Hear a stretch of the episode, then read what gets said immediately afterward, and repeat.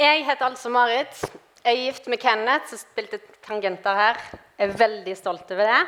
Veldig kjekt å få lov til å komme her sammen, oss to. Eh, jeg har, vi, har tre barn sammen. Eh, vi går til vanlig i denne menigheten. Jeg kom til byen da jeg var 20 år. Jeg ble kristen da jeg var 21 år. Så det å studere her i Grimstad er et veldig godt utgangspunkt. Heier veldig på det.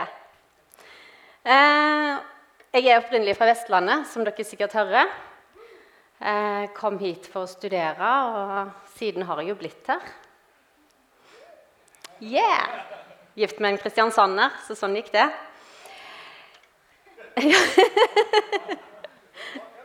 så bra. Efeserbrevet et fantastisk brev som Paulus har skrevet. I kapittel 1 så skriver han om, eller forteller oss hva vi er i Kristus. Vi er Guds barn. Vi er tilgitt. Vi er hans arvinger. Vi er hellige og rene innenfor han. I kapittel 2 så skriver han om at vi er frelst av nåde. Det er gratis. I kapittel 3 så skriver han at alle som tar imot Jesus, de er frelst. I kapittel 4, som vi skal se litt på i dag, og kapittel 5, så skriver han om livet som kristen. Hvordan vi skal leve et rett kristenliv, kaller han det. Og I kapittel 6 så skriver han om det som eh, Naomi Nei, ikke Naomi, unnskyld. Nicole leste om Guds fulle rustning og vet ikke om du la merke til det, men når hun beskrev rustningen fra hjelmen, beltet, brynja, skoene på føttene, så er dette her ting som forsvarer oss, og skjoldet. Men så er det én ting som er et angrepsvåpen, og hva er det? Det er sverdet, det er Guds ord, som vi kan stå djevelen imot med. Men i dag skal vi se litt på kristenlivet. Jeg har kalt det bare livet. Livet med Jesus. Det levende livet. Og Paulus han skriver i Efeserbrevet at Jesus han påvirker vår levemåte. Den hellige ånd han skaper en forandring i oss. Og Vi skal lese i Efeserne 4, 23-24. Og Jeg har skrevet Hverdagsbibelen unna. Det var den som Nicole leste fra. Eh, jeg skal snakke litt mer om det etterpå. Når dere nå kjenner ham, altså Jesus, blir dere forandret ved hjelp av stadig nye impulser fra Den hellige ånd. Dere velger, dere velger å gå inn i Guds plan for livene deres og leve etter det som er sant og rett. Paulus sier at når dere nå kjenner ham Ja, man har kanskje tatt imot Jesus, men hvor godt kjenner du egentlig Jesus? Når jeg møter et nytt menneske som jeg ønsker å bli kjent med, så må jeg bruke tid med dem. Jeg må være sammen med dem, jeg må prate med dem. Jeg må rett og slett prioritere å bli kjent med denne nye personen. Sånn er det med Jesus òg. Den mengden tid du bruker sammen med Jesus i løpet av ei uke, den påvirker hvor godt du blir kjent med ham. Jeg skal nå komme med en påstand, så kan du være enig eller uenig i det. Min påstand er at en av de største løgnene djevelen har klart å få oss kristne til å tro, det er at det er ikke så viktig å lese i Bibelen. Smak litt på den. Hvordan ser det ut i ditt liv? Hva tenker du rundt det? Og Kanskje du stiller det samme spørsmålet som så mange andre stiller. Ja, men må jeg lese i Bibelen, da? Og På mange måter så kan vi jo si at nei, du må jo ikke det. Du blir ikke frelst bare av å lese i Bibelen, eller mer kristen eller forblir frelst av å lese i Bibelen. Eller et visst antall kapitler hver dag. Så det er ikke nødvendig å lese Bibelen for å være en kristen. Men for meg er det et mysterium om hvordan vi i alle dager kan klare å være en kristen uten å lese i Bibelen. For gjennom Bibelen, som er Guds ord, så får du del i det som Gud har for deg. Du får del i Guds rikes hemmeligheter.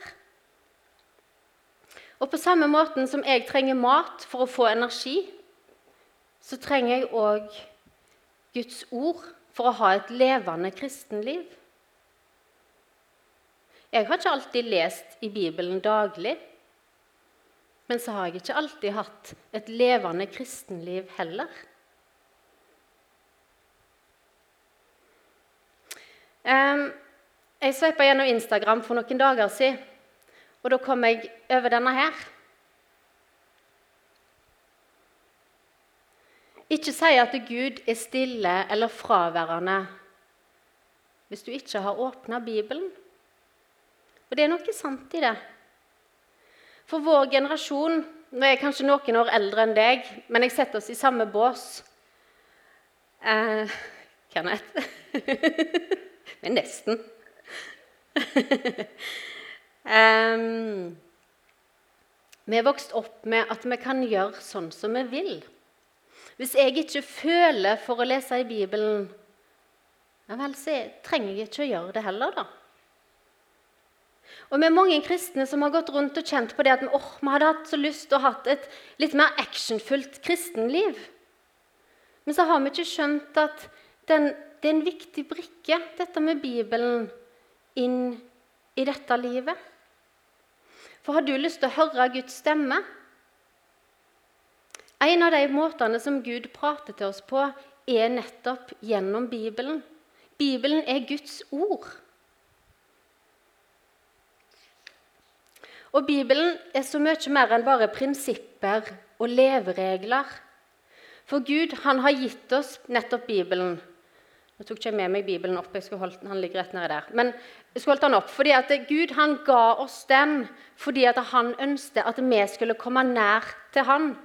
Gud han inviterer oss inn i en relasjon med seg sjøl. Et intimt fellesskap. Jeg leste forordet i en bibelleseplan for en stund siden, og det fikk meg til å tenke litt. For der sto det at det å lese Bibelen er ikke først og fremst for å kunne det som står der. Men det er nettopp for å bli kjent med den levende Gud, bli kjent med Jesus, som er Guds sønn. Og når vi gir Gud, Guds ord oppmerksomhet, når vi ser på hva det betyr for min hverdag, for mitt liv i dag, det er da det blir liv. For Gud han ønsker at vi skal være åpne og ta imot alt det som han har for oss. Og det, sånn at han kan gjøre det han vil i våre liv. Han ønsker at det han har lagt ned i deg, skal få lov å blomstre og bære frukt. Og For å vite hva som er Guds vilje for livet vårt, som å forstå hvor han ønsker å ha oss, så er det viktig å bruke tid sammen med han og bli bedre kjent med han. En av de måtene vi kan bli bedre kjent på han, er nettopp det å lese i Bibelen. Og Derfor ble jeg så glad når Nicole skrev til meg at her på Touchpoint har vi lyst til å holde Bibelen høyt. Vi har lyst til å ha fokus på det med bibellesing. Og vi må hjelpe hverandre til å få tak i dette her med bibellesing. Og så vet jeg ikke helt hva oversettelse du har i din bibel. Men når jeg forberedte meg til denne talen, så leste jeg litt i Hverdagsbibelen. Jeg fikk den etter et møte her i Misjonskirka. Jeg har sittet og lest litt igjen, og jeg syns det er mye lettere språk i den. Det har de satt sammen en del av versene og formul gjort formuleringene litt annerledes. Så jeg kjente at når jeg leste den, så fløyt teksten, og jeg følte liksom at jeg fikk litt bedre grep på det. Så jeg har lyst til å eh, utfordre dere. Hvis dere har bibelappen på telefonen, så er det enkelt å gå inn Nå ser du ikke helt den øverste firkanten, men det, dere ser det ca. der på skjermen. Så finner dere eh, språk, og så er det Bibelen, Guds ord, hverdagsbibelen. Og Jeg har lyst til å utfordre dere til å finne den når dere kommer hjem i kveld, og så lese gjennom Efeserbrevet i den versjonen. Det ga i hvert fall meg veldig mye å lese på den, den oversettelsen. Jeg hørte en historie om en gammel mann som hadde svart ei jente på spørsmålet 'Hvorfor er det så kjedelig å lese i Bibelen?' Og Han svarte det at eh, bibellivet det utvikles ofte gjennom tre stadier. Det første stadiet kalte han medisinstadiet. Vi tar ofte ordet som medisin fordi vi vet vi trenger det. Vi vet det kurerer noe. Det kurerer frykt, det kurerer motløshet. Når livet er litt kjipt, ja, da søker vi Gud, og så åpner vi Bibelen, og så kan vi prøve å finne et ord som kan trøst, gi oss trøst eller oppmuntring. Men hvis vi da overlever den ikke alltid så gode smaken som medisinen gir, så kommer vi videre til det han kalte kornstadiet. Her er bibellesingen fortsatt litt tørr og smakløs, men vi opplever at han gir oss næring. Han styrker oss og gir oss næring til det kristne livet. Og Hvis vi klarer å holde ut de to første stadiene med medisinen som ikke smaker så godt, og det tørre kornet, så sa denne gamle mannen at da kommer vi over til det som han kalte festmåltidsstadiet. Og Det er der du opplever det dype fellesskapet med Gud når du leser. Det er der du hører hans røst i ordet. Du ser og hører stadig noe nytt, for nye åpenbaringer gjennom Skriften. Og det er da du kjenner at du har en lengsel, for en lengsel etter å lese mer. Og når jeg hørte denne her eh, fortellingen, så kjente jeg at eh, ja, det er jo akkurat sånn jeg har kjent på det. For når jeg begynte å lese i Bibelen, så var det en ren viljeshandling. Jeg bestemte meg for at jeg skal lese minimum ett vers hver dag. Og jeg brukte faktisk bibelappen, for der kan du få sånne strikes. Vet ikke om dere har sett dem? Og jeg gjorde det, jeg er litt konkurransemenneske, så jeg bestemte meg for at fra i dag nå skal jeg ha en ny dag hver. Altså den skal telle oppover. Og hvis du mister en dag, da går du jo ned på null igjen. Det har jeg òg gjort. for å si det sånn. Eh, men jeg, jeg, gjorde det til ei greie at jeg skulle innom bibelappen hver dag og leste minimum ett vers. Og I starten så var det tungt. Det var ren, pur vilje at jeg skulle gjøre dette her. Men etter hvert så begynte det å bli en vane. da. Og Så leste jeg faktisk mer enn ett vers, og så leste jeg kanskje et kapittel. Og så kjente jeg at det begynte å gjøre noe med meg. Det begynte å gjøre noe på innsida. Jeg begynte å kjenne på at eh, Wow! Det Gud han rører med meg, og jeg, han viste meg nye ting. Han kunne gi meg ord og bilder som jeg skulle gi til andre mennesker. Jeg fikk begynne å kjenne på at eh, Gud ble mer virkelig i livet mitt. Det kristne livet begynte å bli spennende og ikke minst utfordrende. Og når du har først fått smaken på det der, så vil du jo bare ha mer. Men så var det en vandring. Og i vår tid så skal liksom alltid sånn quick fix på alle ting. Men Gud, han er ikke sånn. Gud han ønsker å ha oss nær. Han ønsker å ha vår oppmerksomhet. Han ønsker å bygge en relasjon med oss. Og det tar tid. Han ønsker at vi skal holde ut. For han har skatter, han har hemmeligheter, og han har et liv som han ønsker å gi til oss. Han har en plan for nettopp ditt liv, og han ønsker å bygge det med sitt ord. Så la oss lage en plass til Guds ord i vårt liv, sånn at vi kan bli kjent med Han. Sånn som Paulus skriver, at vi for alvor kan få lov til å bli kjent med ham. Dette var hverdagsbibelen. Nå skal dere få se i bibeloversettelsen på 2011. Nå har jeg lagt til vers 22, så nå er det 22 til 24. Og der kan vi lese. Paulus skriver.: Lev da ikke sånn som før, men legg av det gamle mennesket som blir ødelagt av de forførende lystene. Bli nye i sjel og sinn. Kle dere i det nye mennesket som er skapt i Guds bilde, til et liv i sann rettferd og hellighet. Hvem andre enn Paulus kan vel fortelle om forskjellen på å ha det gamle mennesket, og det å kle av seg det gamle mennesket og kle i seg det nye mennesket. Paulus, som hadde valgt bort alt som hadde med Jesus og kristendommen å gjøre, han valgte til og med å forfølge de kristne og prøvde å få de drept. Men han hadde Gud utvalgt til å bli en person som virkelig vant mange mennesker for Jesus. Tenk hvordan han fikk livet sitt snutt rett opp ned fra den ene til den andre. Paulus skriver 'Kle dere i det nye mennesket'. Hvordan ser det ut i ditt liv? Eller som det sto i Hverdagsbibelen forandret ved hjelp av stadig nye impulser fra Den hellige ånd. Når vi leser i kapittel 4 og 5, så ramser Paulus opp hva han ikke anbefaler oss å gjøre, som hører til det gamle livet, og kan anbefale oss å gjøre, det som hører til det nye. Og Det kan du få lov til å kose deg med i kveld og lese.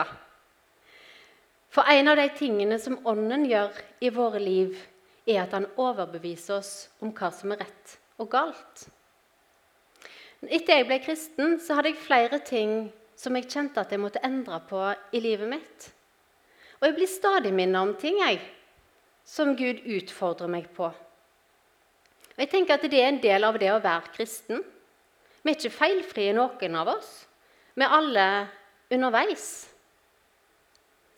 Så tenkte jeg at jeg skulle være litt personlig og innrømme en av mine sånne flaue greier eh, som Gud viste meg for halvannet år siden. Når jeg og familien min eh, vi var på DTS, disippeltreningsskole Vi var tre måneder på Hawaii og så var vi to måneder på Filippinene. Eh, og I denne perioden så begynte Gud å vise meg eh, Eller han begynte å utfordre meg på dette med penger og grådighet. Jeg er siviløkonom av utdannelse. Jeg jobber med økonomi. Eh, og jeg er egentlig ganske glad i penger. Det er meg og Sakkeus. Bare bortsett fra at jeg har ikke krevd inn for mye penger. da. Eh, men jeg liker penger på konto. Jeg liker mer enn nok til å betale alle regningene mine. Eh, og jeg har alltid vært forsiktig med penger. Og jeg har kanskje holdt de litt, litt for tett til brystet. Og så begynte Gud å vise meg hva som styrte i livet mitt, hva jeg holdt høyt i livet. Han utfordra meg på hvor jeg hadde tryggheten min, og hvor jeg hadde identiteten min. Om det var i han, eller om det var i jobb, hus og penger og andre materielle ting. Og jeg og vi som familie vi ble utfordra på å gi en pengegave. Og Jeg husker ennå hvor, hvor skjelven jeg var den første gangen vi ble utfordra og vi ga 10 000 kroner. Og for en, Selv for en nordmann så er det ganske mye penger. Men det at vi faktisk valgte å ta det steget, det gjorde noe med hjertet mitt. Jeg kjente hvordan det røska i meg, men samtidig hvordan det satte meg fri. Og Vi ble utfordra på å gi flere ganger, og beløpene som Gud hadde tenkt, var ikke akkurat småbeløp. Men for en velsignelse. Og Gud han starta en prosess i meg der jeg innså hva kontroll penger hadde over livet mitt, og hvordan det meste handla om materielle ting. Men så fikk jeg lov til å få et annet perspektiv på dette med penger. Det at eh, det som jeg eier, det er ikke mitt, men det er Guds. Guds ting, og så kan jeg få lov til å forvalte det. Og det var noe forløsende i det. Så gjennom denne prosessen så fikk jeg lov å kle av meg det gamle, og så fikk jeg lov å kle meg i det nye.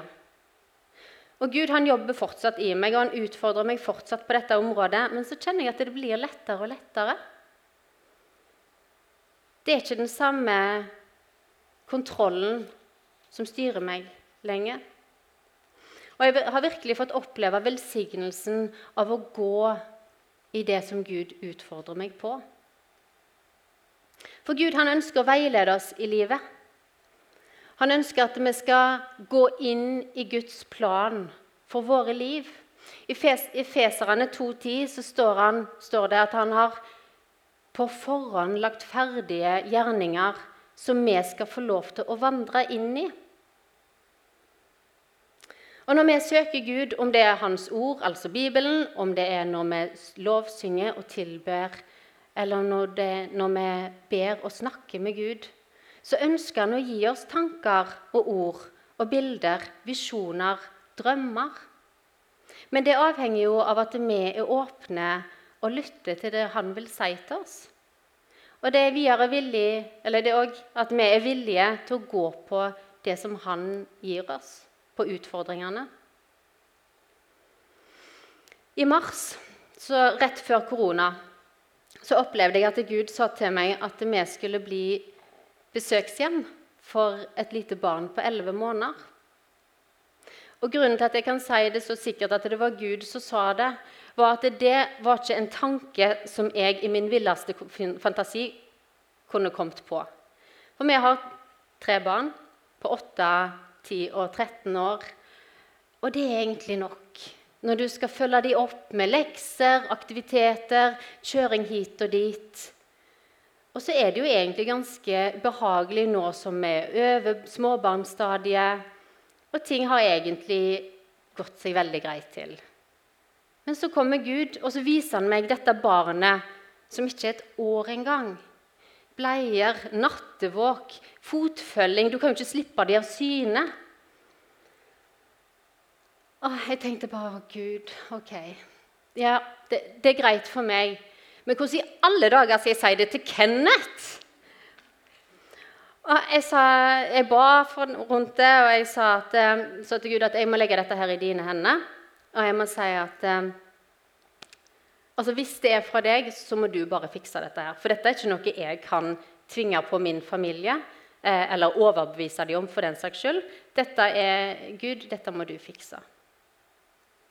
Og kort fortalt det ender med at hele familien er helt enige om at jo, dette her skal vi gå for. Dette kan bli en bra ting. Og drivkraften var det å få lov til å gi av vår overflod. Det å ikke bli oss sjøl nok, men det å se til en av disse mine minste, som Jesus kaller de i Matteus 25. Og for vår familie så har dette vært en enorm velsignelse. En utrolig fin og samlende ting for oss å gjøre. Og det å få lov til å være med og velsigne andre med det som vi allerede er blitt velsigna med. Og det som er så fantastisk, og det er nå vi ser Guds veier og Guds timing For utover det å få lov til å hjelpe dette barnet og den sin familie, så har vi fått lov til, med de pengene som vi har fått fra barnevernet, å kunne betale skolegang for tre ungdommer nede på Filippinene. Og ikke nok med det, for vi har jo mer til over, så da kan vi få lov til å betale leilighet til en familie som òg bor der nede. Så Guds veier er fantastiske, og det å få lov til å gå i Hans ferdiglagte gjerninger er utrolig berikende og velsignende. Og for Gud han er god, og han vil oss bare godt. Og livet som kristen har kjempestort potensial. Men det er bare helt opp til oss, og vi ønsker å utnytte det og gå inn i det eller ikke. Og Paulus han skriver at vi må bli kjent med han. Bl.a. gjennom bibellesing, gjennom å bruke tid med Gud, så blir vi kjent med han, og da kan vi forstå hva hans vilje for vårt liv er. og gjennom å la Ånden få lov til å forvandle oss. Det er ikke noe vi skal streve etter, men når vi tar imot Jesus, så flytter Den hellige ånd på innsida. Og så er det Han som jobber i oss, og så gir Han oss et ønske om å bli mer lik Han. Og til slutt det å gå inn i Guds plan for livet våre. Spør Gud hva har du for meg i dag? Hva ønsker du at jeg skal gjøre? Kanskje du får et ord som du skal dele med noen. Kanskje du får et bibelvers som du skal skrive på en tekstmelding. Og for en velsignelse det er å få et bibelvers midt inni det du står i, som en hilsen fra Gud. Eller det å få lov til å være den som sender bibelverset eller ordet til noen andre, og så får du tilbake 'Å, tusen takk'. Det var akkurat det jeg trengte i dag. For Gud han ønsker å bruke deg inn i andre menneskers liv. Og han ønsker å bruke andre mennesker inn i ditt liv. Vi skal gå litt mot avslutning. Men eh, jeg ønsker å utfordre deg til å ta tilbake Guds ord. Kanskje du òg har trodd på djevelens løgner om at Bibelen ikke var så viktig for livet ditt.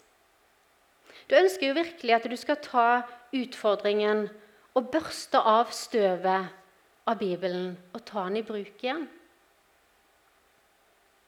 Så sitter du kanskje her og tenker at 'men jeg har ingen bibel'. Eller kanskje du har mista Bibelen din. Kanskje når du flytta her til Grimstad, så ble Bibelen borte. Og da har jeg lyst til å si at Hvis du sitter og kjenner på det, så har jeg lyst til å kjøpe en bibel til deg. Vær frimodig.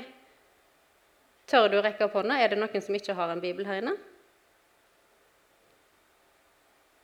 Hvis, ikke, så, hvis du ikke Jeg ser deg ikke nå, men kom til meg etterpå. Så har jeg lyst til å skrive ned navn og nummer, så kan du gå på Odden i morgen så kan du kjøpe en bibel, så skal jeg betale den for deg. For jeg tror virkelig at Gud ønsker at vi skal ha en bibel å lese i.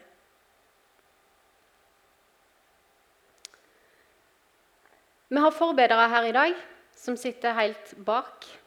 Kanskje du trenger at noen ber for deg?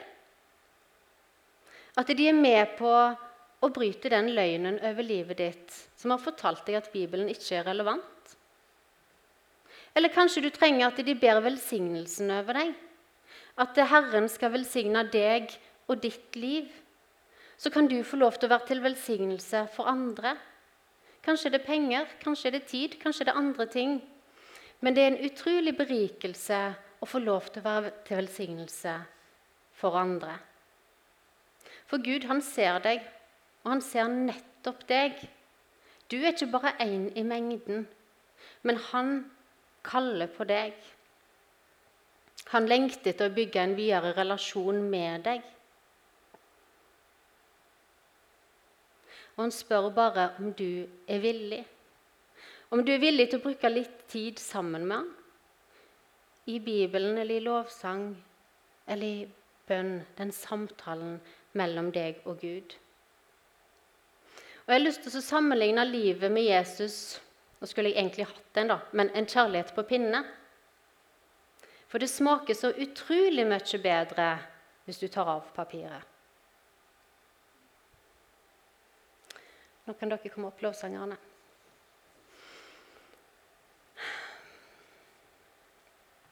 Jeg har bare lyst til å be en liten bønn før vi, før vi slutter her i dag. Jesus, takk for at du er her nå. Takk for at du ønsker oss så uendelig høyt og bare lengter til å tilbringe tid sammen med oss. Og Gud, Hvis det er noe som jeg har sagt som ikke er fra deg i dag, så ber jeg om at det må dette dødt til bakken. Men de frøene som er sådd, Herre. Jeg bare ber for deg om at det de som er fra deg, at eh, du må komme og gi vekst. At det må få spire. Jeg bare legger bibellesing i dine hender, Herre. Jeg bare ber om at du må hjelpe oss til å søke deg, og hjelpe oss gjennom medisinstadiet og gjennom kornstadiet, Herre, sånn at vi kan få lov til å oppleve festmåltidet sammen med deg. Vi kan få lov til å kjenne At ditt ord er levende, at det er høyst relevant for vår hverdag i dag. Må du velsigne oss med all åndelig velsignelse fra himmelen, Herre. I Jesu navn.